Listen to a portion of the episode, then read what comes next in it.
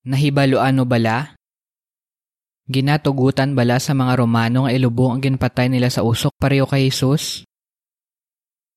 Madamo ang pamilyar sa kasaysayan parte sa pagpatay kay Jesus. Ginlansang siya sa usok kag sa duwa niya kakilid, may duwa kriminal na ginlansang man. Pero may pila ka tawo nga nagapati nga hindi husto ang ginasiling sang Biblia nga sang patay na si Jesus, ginkuhang iya bangkay kag ginlubong ini. Ang pila ka eksperto nga nagakomento parte sa mga ebanghilyo, nagsiling nga posible nga wala ginatugutan nga ilubong ang tawo nga ginpatay sa mga Romano. Nagapati sila nga lain ang ginahimo sa ginpatay nga mga kriminal. Ginpaatag sang journalist nga si Ariel Sabar sa Smithsonian nga magazine kung nga aamo sini ginapatian sang iban. Nagsiling siya. Ang paglansang sa krus amo ang silot sa pinakamalain nga mga tao sa komunidad. Gani para sa pila ka eksperto, imposible nga hatagan sa mga Romano sang dignidad ini nga mga tawo pagi sa paglubong sa ila. Gusto gid pakahuyan sa mga Romano ang sentensyahan nga mga kriminal.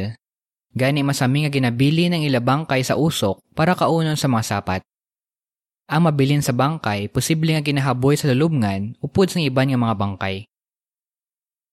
Pero base sa pagtuon sa mga nakutkutan sa una, wala ini ginhimo sa pila ka Hudeyo nga ginpatay. Sang 1968, may nakutkutan nga mga tulan sang isa ka tawo ang ginpatay sa unang siglo. Nakita ini sa isa kinaandan nga lubngan sang Hudeyo nga pamilya malapit sa Jerusalem.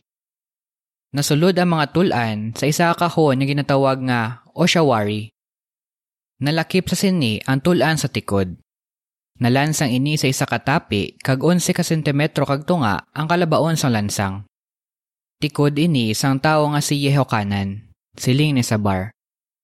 Isa ini ka ebidensya nga posible nga husto ang ginasiling sa mga ebanghelyo nga ginlubong si Jesus. Gani si Yehokanan, isa ka halimbawa sang isa ka taong ginlansang sa krus sang panahon ni Jesus nga gintugutan sa mga Romano nga ilubong suno sa ginahimo sa mga Hodeo.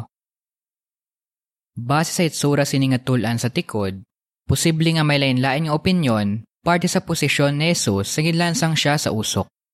Pero maathag sa sini nga may pila ka ginpatay nga mga kriminal nga ginlubong kag wala ginhaboy sa lubngan upod sa iban nga mga bangkay.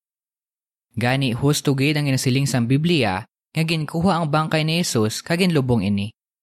Ginasuportahan gid sa ebidensya ang ginasiling sang Biblia. Pero may mas importante pa sang sa sining ebidensya. Gintag na ni Hova nga ilubong si Jesus sa lulubngan sa manggaranon nga tawo kag wala sing makabalabag para matuman ang ginsiling sang Dios. Diri natapos ang artikulo.